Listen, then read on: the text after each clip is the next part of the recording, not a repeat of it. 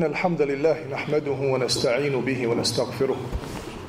ونعوذ بالله تعالى من شرور أنفسنا ومن سيئات أعمالنا. من يهده الله فلا مضل له ومن يضلل فلا هادي له. وأشهد أن لا إله إلا الله وحده لا شريك له وأشهد أن محمدا عبده ورسوله.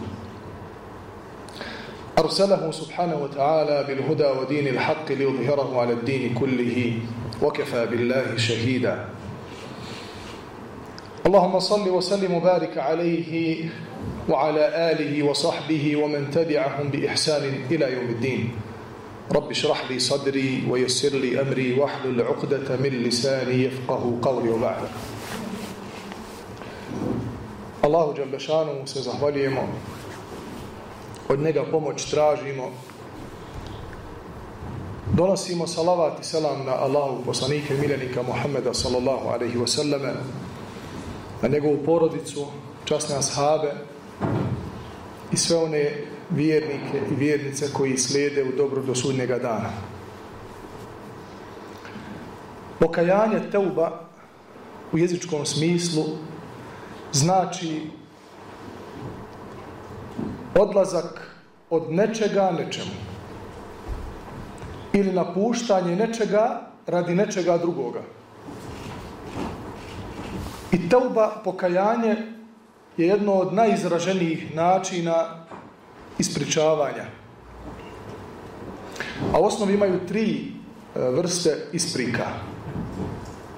Znači, ako je neko nešto uradio loše, pa želi za to loše da nađe neku ispriku, i da to negira i da se od toga udalji i da sa tim nema ništa, postoje tri vrste toga. Prva je da kaže nisam to uradio. I to ćete vidjeti da od malena onaj, čak i djeca to imaju u svojim žargonima, u svom načinu obhođenja sa greškom koju je počinio dođe mu babo ili majka, on uzijanio pola kuće, sine, što si uradio? Kaže, nisam ja.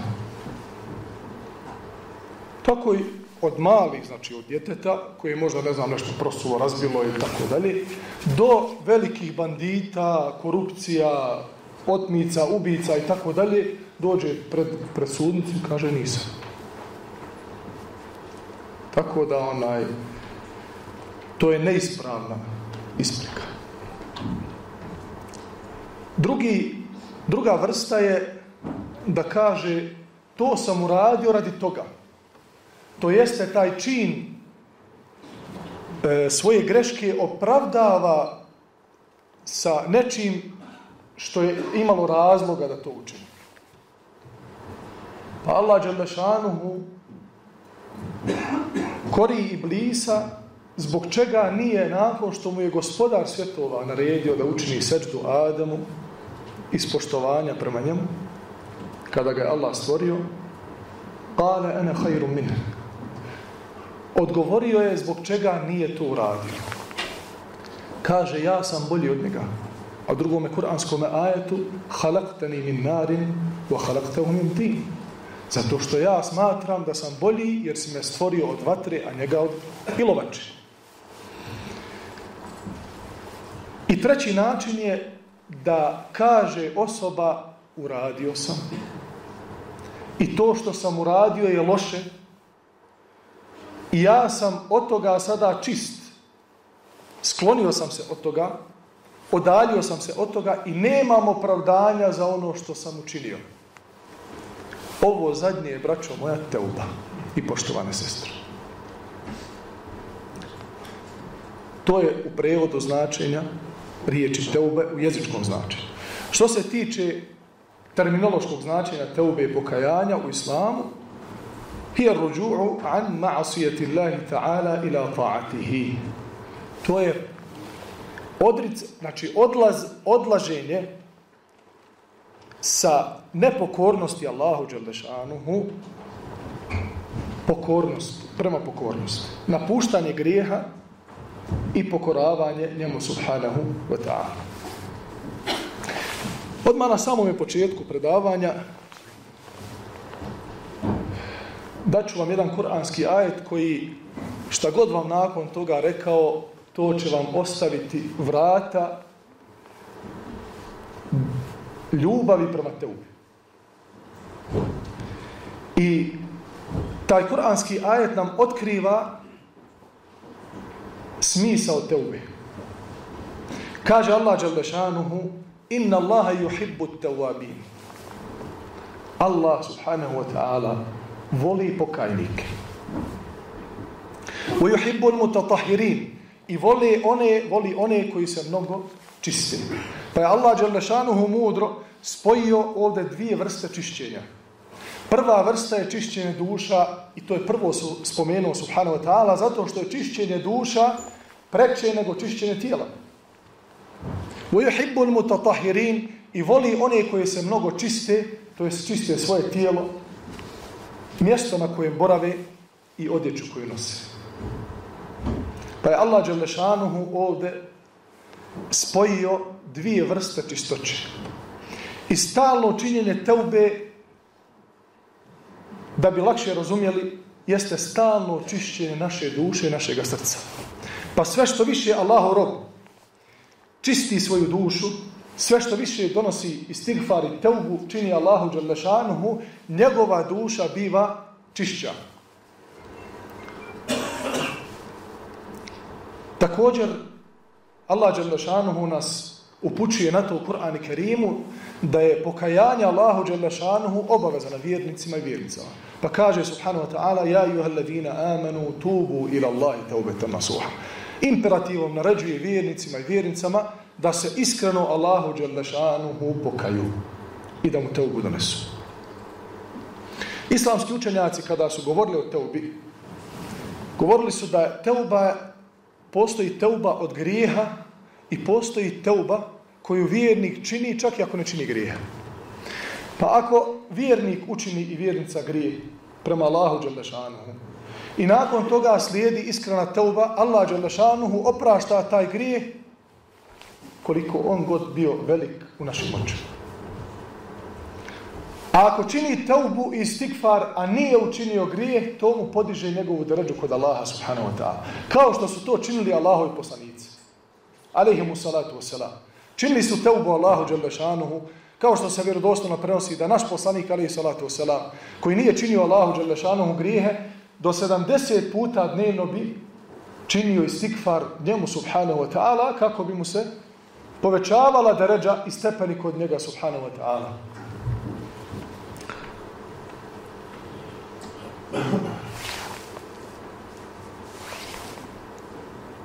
Zatim, Allah Đalešanuhu nas upućuje na to da iskreno pokajanje Allahu Đalešanuhu garantuje da ćemo uspjeti. Da ćemo uspjeti na ovom svijetu. Pa kaže subhanahu wa ta'ala وَتُوبُوا إِلَى اللَّهِ جَمِيعًا أَيُّهَا الْمُؤْمِنُونَ لَعَلَّكُمْ تُفْلِحُونَ Ovaj kuranski ajet je malo drugačiji od kuranski ajeta prošli koje smo proučili. Jer Allah u kuranskom ajetu kaže o tubu ila Allahi džemijan. Poziva vjernike i onda potvrđuje kaže svi se pokajte. U prvim ajetima poziva vjernike da se pokajaju. Ja juhallevina amenu tubu ila Allahi tauvete nasuha. Ovdje Allah Đelešanuhu ponovo naglašava važnost da se svi vjernici i vjernice kaju Allahu Đelešanu zbog čega? Jer Allah Đelešanuhu jednom narodu koji se kaje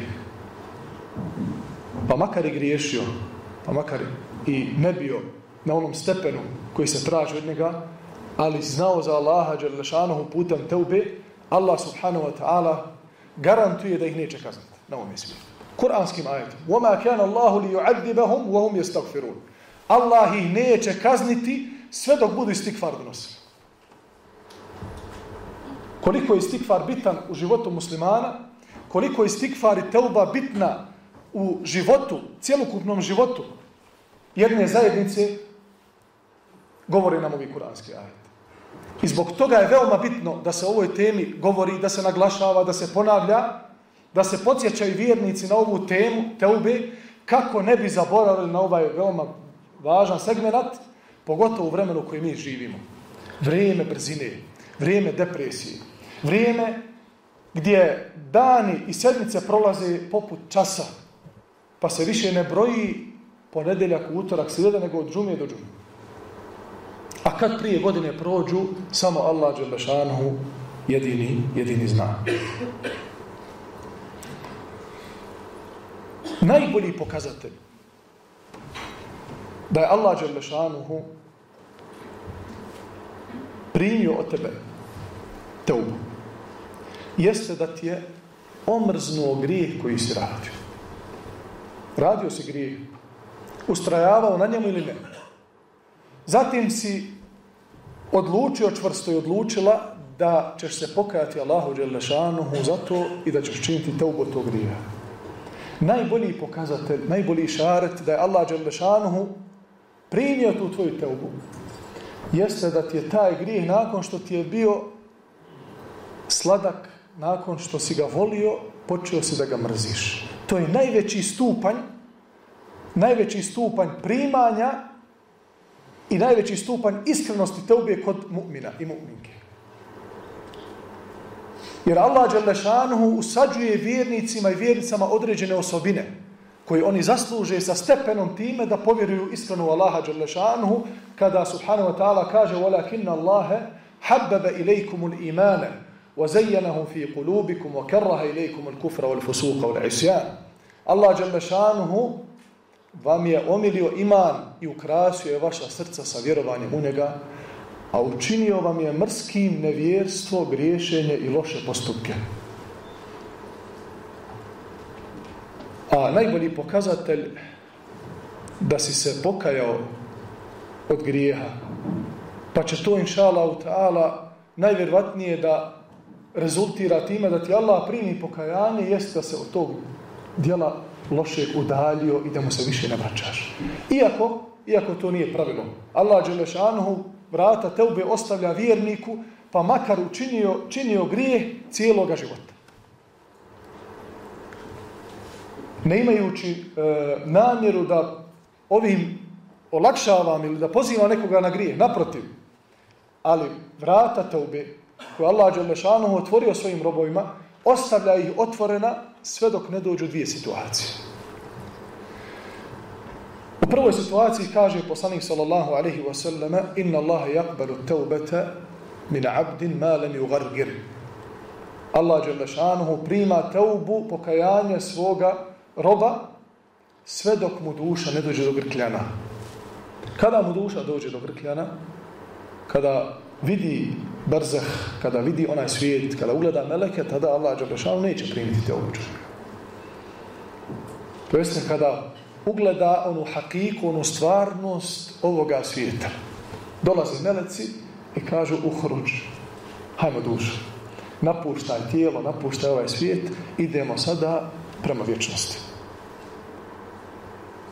I druga prilika je, kao što je došlo kod muslima, u vjerodostojnom hadisu gdje kaže poslanik sallallahu alejhi ve selleme Allah dželle prima teubu od vjernika sve dok sunce ne izađe sa zapada.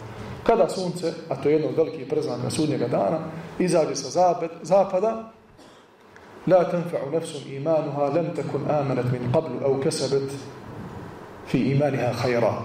Neće Allah dželle onoj duši koja prije nije vjerovala toga trenutka, toga jutra, i nije svojoj duši svoju dušu napajala imanom, neće je nakon toga primiti pokajanje. Moći ćeš 24 sata na prosteki i klanjat i plakat i molta Allaha da ti primi, neće ti primiti.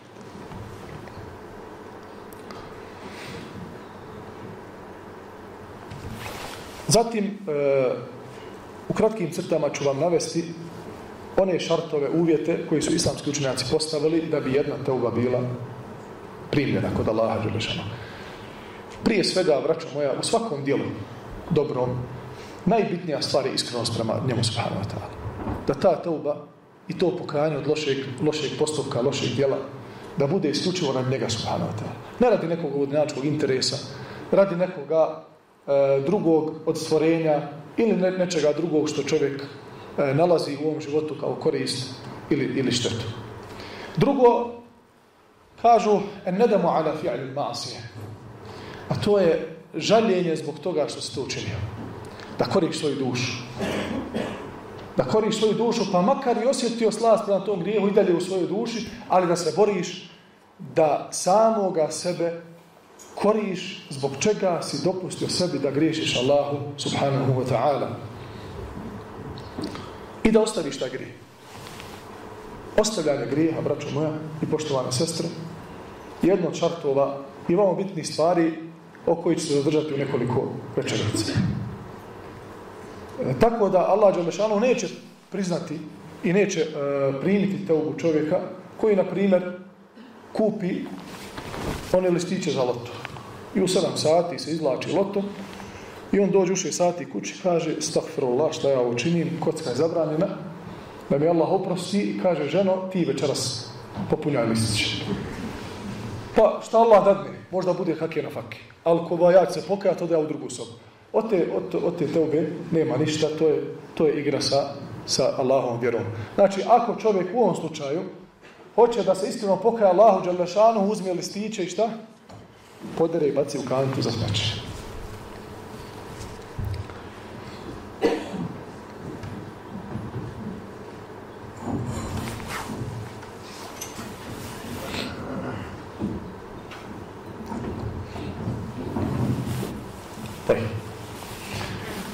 Šta se od nas traži? Od nas se, braćo moja poštovana sestra, traži da budemo stalni borci u pogledu naše duše. Od nas se ni u jednom trenutku od Allaha Đalešanu ne traže da budemo nepogrešni. I to nećemo moći postići, pa makar sve uložili da budemo od onih koji su nepogrešni. Kullu beni Adama hapa. Svi sinovi Adamovi griješi. Međutim, većina ljudi vjernika su muktasidi. To je kuranski izraz u kome Allah Đelešanuhu među vjernicima među vjernicima dijeli vjernike na tri skupine. Allah Đelešanuhu kaže thumme aurathne l-kitabe alladina stafejna min ibadina pa smo mi dali knjigu da je naslijede naši robovi. Ko su gospodar tvoji robovi? Zalimun li nafsihi. Od njih su oni koji sami sebi nepravdu čini.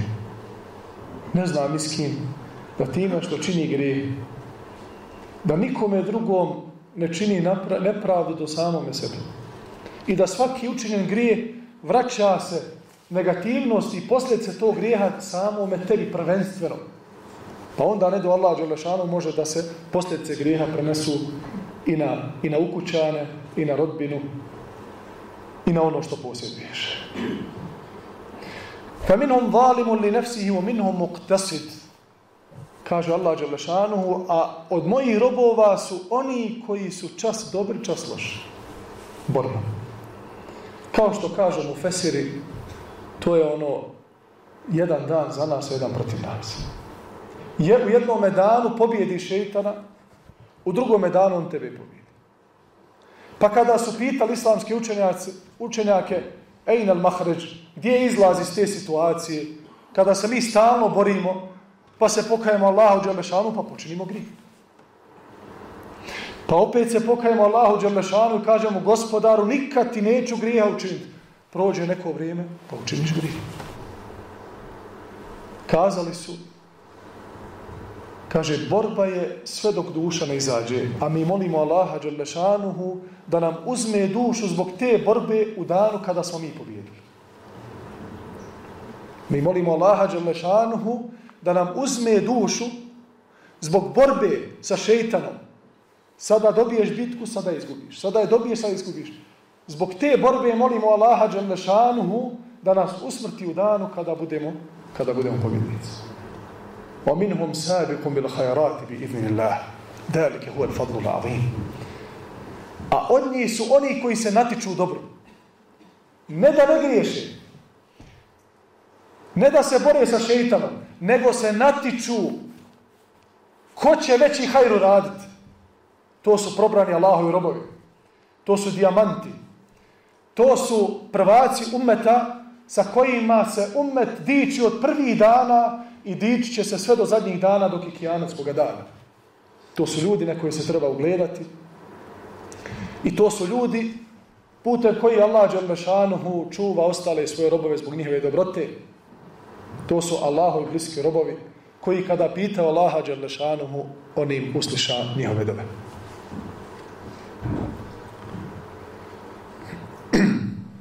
A Boga mi, ako se čovjeku oslade grijesi, i ako ne može da nađe načina na, na koji će izaći iz te situacije, ili još gore od toga ne razmišlja o tome kako da izađe iz situacije u kojoj se nalazi, to je loš pokazatelj.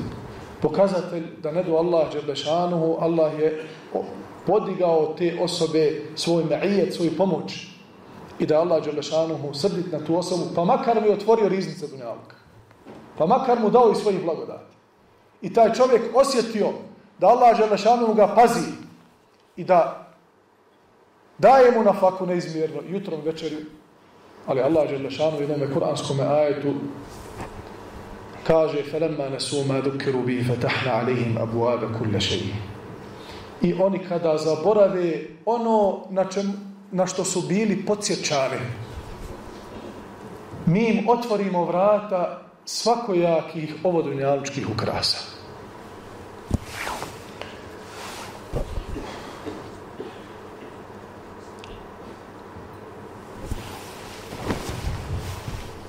Kako da počnem novi život sa Allahom Đerlešanom? Zaista smo u potrebi da porazgovaramo sa svojom dušom. Svako od nas je u potrebi da razmisli o svojim postupcima, svojoj svakodnevnici. Šta može da popravi od svoga stanja prema Allahu Đerlešanom? Prvo što treba da uradiš jeste da ispitaš svoje srce. Gdje je kormilo? prema čemu je usmjereno. Jer iz srca sve dolazi. I da otpočneš sa namjerom Allahu Đalešanuhu rekavši mu subhanahu wa ta'ala a on zna i tihe izgovorene riječi وَمَا تُحْفِ sudur i ono što je u prsima niko ne poznaje mimo Allaha što je u prsima čak ni meleci zbog toga kažu islamski učenjaci da će biti ljudi koji će doći na sudnjemu danu a mimo onoga što su meleci pisali od dobrih dijela, imat će tovare dobrih dijela, a Boga mi i suprotno od toga. Ali, hoću da kažem da je namjera prvobitna i najjača stvar koja nas može dovesti do toga da promijenimo svoj život na bolje. Pitam vas, šta je dijelilo? Šta je dijelilo faraona? najvećeg silnika ovoga svijeta. Porobio, poklo, obeščastio, poubijao, podčinio, sva, sve vrste zuluma i nepravde učinio. Do te mjere da je sebe proglasio Bogom da mu se klanjaju drugi. Šta ga je samo dijelo od toga da Allah Đelešanu mu kaže abdi gafartu lek. Robe moj, oprostio sam ti. Namjera da kaže tuptu ili jedna riječ. Allahu moj, vraćam ti se. Kajem se. I Allah Đerlešanu je zbog toga poslao Musa faraonu. Samo radi te namjere. Da faraon kaže odlučno svome srcu od danas gospodaru neću više. I da mu se vrati. I zato Allah Đerlešanu priprema Musa alaihi salatu wasalam i zatim njegovog brata Haruna da odlaze faraonu s tom sa tom poslanicom, sa tim, sa tim porukama. Ali odbija. Međutim, sa druge strane, ono što nam je došlo vjerodostojno od onih događaja koji se desili u doba Benu a njih je mnogo, kaže Allah, poslanik sallallahu alaihi wasallame, da je živio čovjek koji je ubio 99 ljudi. I navršio je stotinu. Znači, serijski ubica bez ikakve sumnje trocifre broj ljudi lišio života. Dolazi do čovjeka kojem je Allah Đalešanu dao znanje o islamu. I pogledajte koliko je bitno da onaj ko govori o islamu, da ima znanje o Allahu Đalešanu, da ima znanje o njegovim kaznama, o njegovim prijetnjama, ali također da ima znanje o Allahom rahmetu, o njegovoj milosti, o otvorenim vrati, vratima teube za svakog pokajnika koji želi da se Allahu vrati, pa zbog toga i navrši trocifreni broj ubistava, jer je otišao Abidu koji nije imao znanja. Po božnjaku, pita ga ima li za mene teube, Abid koji ne, ne ustaje sa prostekije i smatra da zbog toga što nije klanjao možda duha namaz, da mu Allah neće oprostiti. I tako, kad će ti Allah oprostiti, kad ti 99 ljudi ubio, bježi mi s očiju, on i njega ubio. Ode ko šehid Allahu subhanahu wa ta'ala. Zbog pogrešne fetve. Mislim, smiješno, ali žalostno. Zatim, odlazi kod učenog, učenog čovjeka. I kaže mu ovaj, čudi se, zašto ga ovaj tako sa sumnjom u Allaha Đalešanu pita, ima li za mene te ubije? Kaže, kako nema? A ko je taj ko može da te spriječi između tebe i Allaha da se pokaješ? Ali kaže, napusti. Šta? Napusti loše mjesto u kome živiš. Pa je ta namjera i on preseljava, on umire na putu. Kada mu je ovaj učenjak rekao, idi u to i to mjesto gdje žive dobri ljudi, pobožni ljudi, tamo sa njima živi, učvrsto u Allahoj vjeri. Jer loše društvo utiče na čovjeka. I on dolazi, odajući kroz pustinju, dolazi na pola puta između sela nastambe u kojoj je živio i nastambe u kojoj treba da živi i ispušta svoju dušu. Pa Allah Đelešanu mu oprašta zbog čega? Zbog namjere.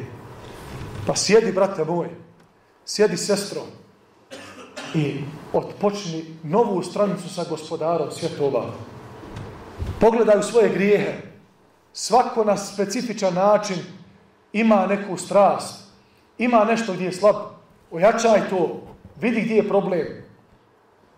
Ako je problem u mjestu u kojem živiš, to jeste u atmosferi prostornoj, ne znam, odlaziš na neka mjesta, druži se sa određenom grupom ljudi koji te poziva na taj grijeh. Drugi elementi koji su bitni, koji te pozivaju na grijeh, kloni ih se. Kako bi Allah Đelešanuhu podigao tvoje stepene i kako bi bio bliži Allahov rob.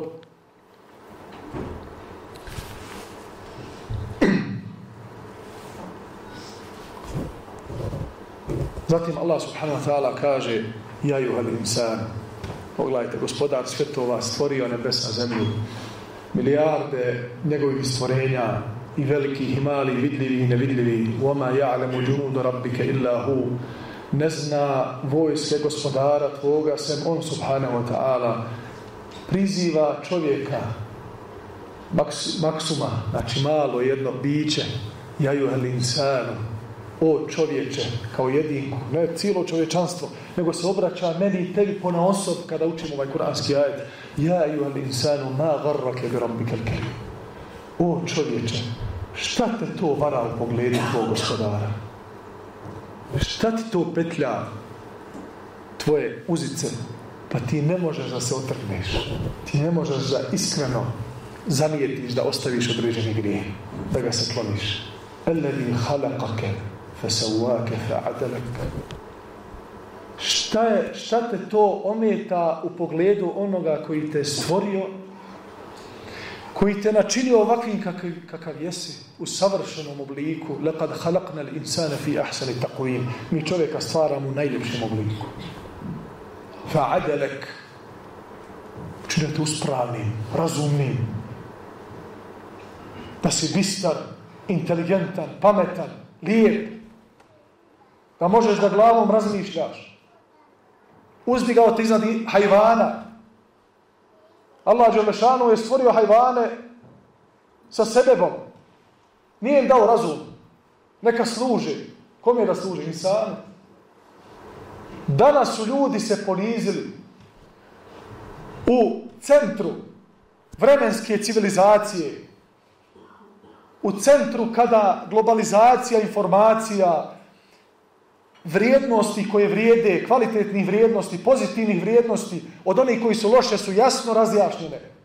I niko ne može da kaže da ne zna, da ne može da nauči, da dokuči. U ovom vremenu ljudi su najviše sebe ponizili, pa se spušta ispod nivoa životinja. Da nas Allah Đelešanom sačuva takvoga stanja. Pa onda ljudi kažu gospodaru, ometa me to što nemam još vremena. Ometa me gospodaru što još idem u školu. Pa tamo završi školu pa kaže gospodaru, samo da ovaj posao, dobra mi je plata, ne da mi da, da klanjam na poslu, ali tamo da ja ako da se skućim, čim napravim kuću, oženim se ili se udam, pa ću ja ako da krenuti na seždu. Allah Đalešanuhu svima do sudnjega dana kaže Bela kella bel tu biti. Nemojte lažna opravdanja Allahu Đalešanuhu upućivati. Kella bel tu kedibuna biti. Hoćete Allaha Đalešanuhu da slažete da ne možete. On koji nas je stvorio ne traži od nas kapa, cijeli kapacitet našeg života.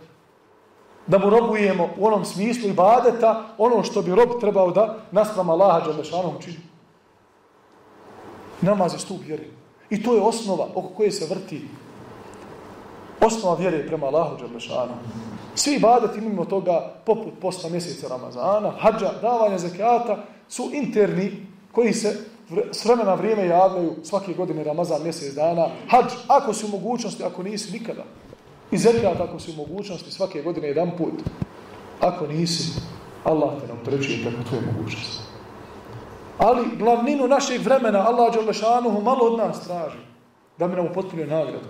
A ostavio ti je da uživaš u životu. Ostavio ti je da ispunjavaš svoje vodinaličke potrebe, želje, misli, namjere, nema nikakvih problema, putuj na zemlji, pulsiru fil ardi, fanduru, putujte po zemlji, pogledajte, upoznajte se, razmjenjujte, učite druge stvari, napredujte u svakome pogledu, ali Allah Đelešanohu traži od tebe, robe, sjeti me se u podana, podni namaz, robe, krajem dana, da ne zaboraviš na mene, zalazi sunce, dolazi, nova, dolazi noć, šta krije ta noć? Možda krije smrt, možda krije rat, možda krije neko drugo zlo, obrati mu se subhanahu wa ta'ala, padne na seždu i reci subhana rabbi al-a'la, neka je slavljen, uzvišen i moj gospodar.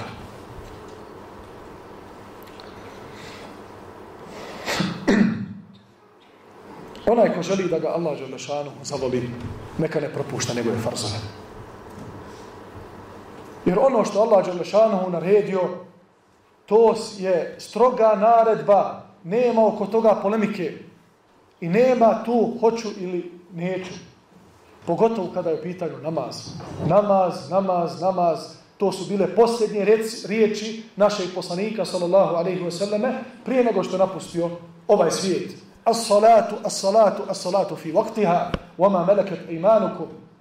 Zadnje riječi Allahu poslanika, alaihi salatu wasalam, kao oporuka čovečanstvu, cjelokupni sistem života, babo, suprug, upravitelj, poslanik, wa innaka la ala khuluqin azim. Veličanstvenog morala ali posljednje riječi kaže namaz namaz namaz u njegovom vaktu i ono što vas okružuje od vaših ukućana od vaše porodice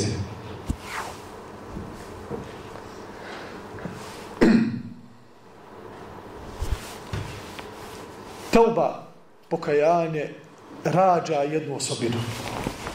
A ta osobina je, ajde da kažem, najbitnija osobina koju čovjek može posjedovati, a to je osobina stanja. Ta osobina je osobina stanja. Činjenjem stalne teube i čišćenjem duše, Allah Đelešanuhu spušta jednu osobinu na roba. I ova osobina, kada god se spominje u Kur'an i Kerimu, na više mjesta se spominje, enzele. Allah Đelešanuhu kaže, mi spuštamo tu osobinu na svoje robove. Kao na poslanika, na mu'mine i tako dalje. Kaže subhanahu wa ta'ala alladhi anzala as-sakinata fi qulubi al-mu'minina liyazdadu imana ma'a imanihim. Allah subhanahu wa ta'ala je taj koji spušta smiraj na srca vjernika da bi pored onog imana u Allaha povećali svoj iman. Astaghfirullah wa atubu ilayh. Astaghfirullah wa atubu ilayh. Allahu moj, neću ti više činiti grijehe. Gospodaru, popravi moje stanje. Allahu moj, Allah Đelešanuhu spušta na takve vjernike smiraj. I smira je osobina koje kada gledaš na kuranski kontekst, u kojim mjestima se spominje ova osobina, vidjet ćete da se spominje u teškim trenucima. Pa Allah Đelešanu spominje da je ovu osobinu spustio na poslanika nevjernike u toku borbe. U teškim trenucima. Zašto?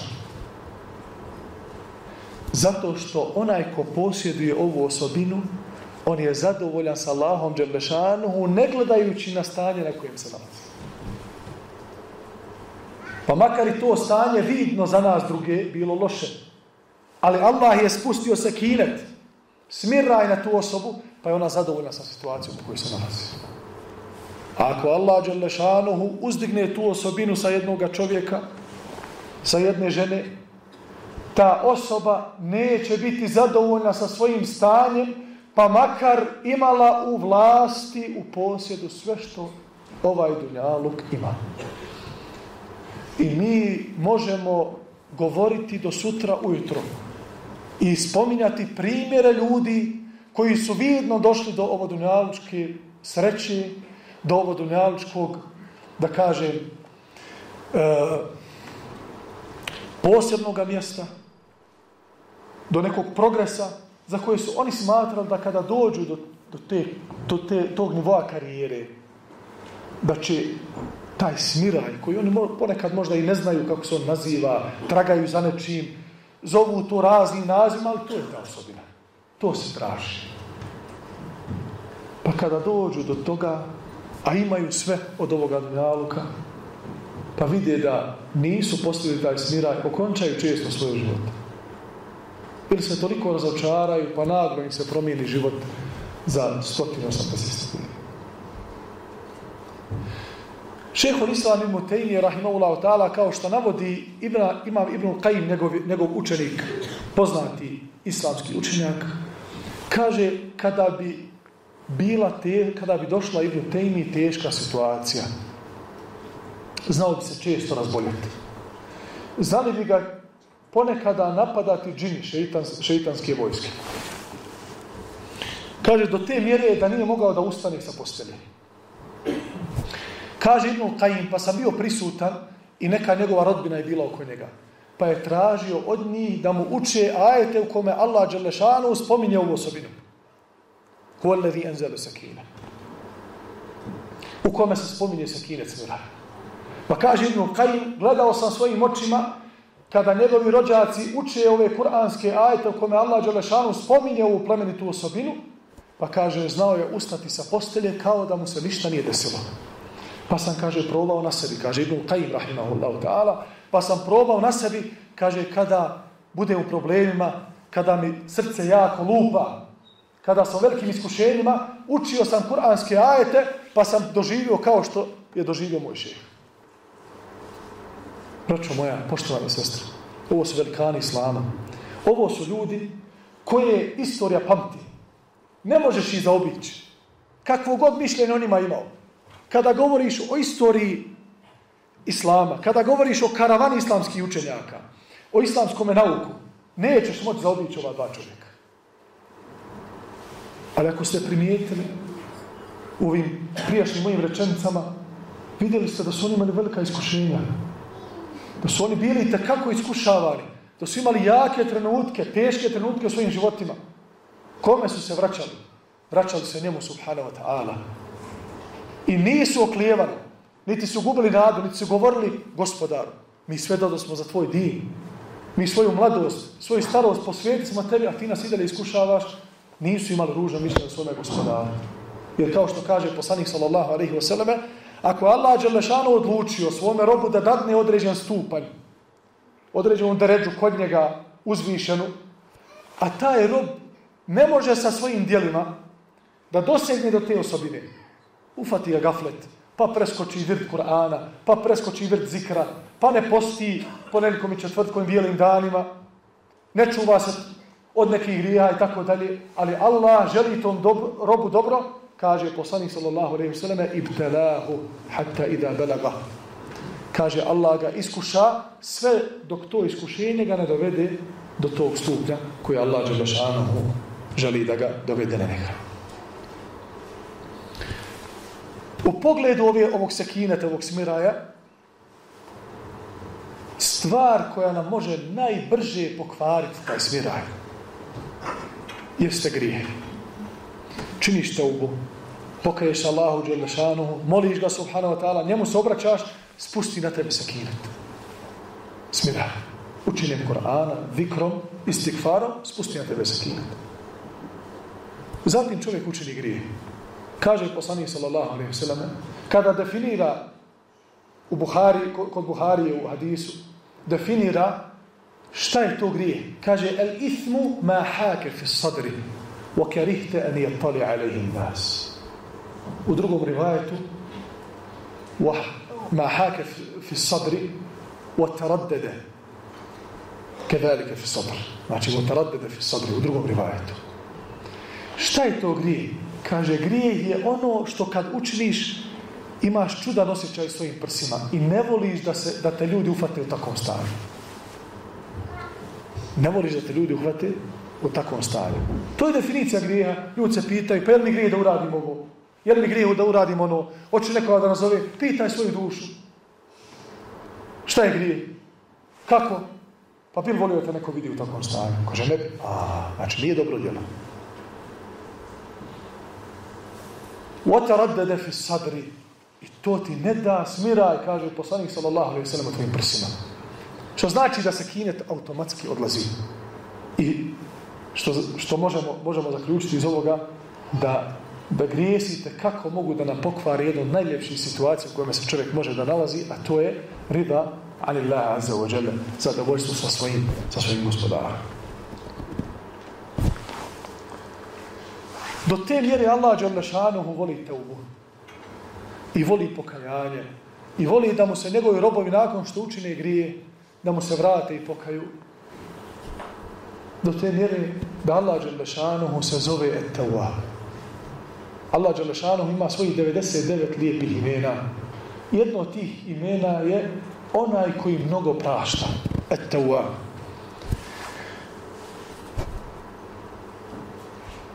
Od Ebu Muse, Elešarija, se prenosi da je Allah poslanik sallallahu alejhi ve sellem rekao inna Allah azza wa jalla yabsutu yadahu bil layli li yatuba musii bin nahar wa yabsutu yadahu bin nahar li yatuba musii bil layl hatta tatlu'u ash-shamsu min maghribiha Allah jalla šanu ispruža svoju ruku noću da oprosti onima koji su griješili danju a spruža svoju ruku danju da oprosti onima koji su griješili noću.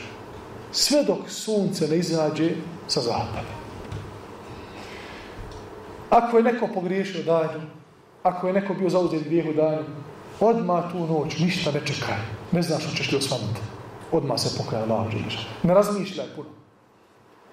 Ako si griješio noću, Odmah to jutro, čim se probudiš, Allahu Đalešanuhu na srždu i njemu se pokaje za svoje grije. I nemoj da te šeitan prevari. I to je njegova najveća zadaća da ti kaže, ma šta ćeš se ti? Šta ćeš ti da istikfar donosiš? Pa vidiš kakva si ti nevaljala osoba. Pogledaj o kome se radi. Pa zar nisi do sad 150 puta rekao Allahu da nećeš činiti? Opet činiš. Što ćeš ti ta teuba? Na takav način on čovjeku gasi žar za teubom.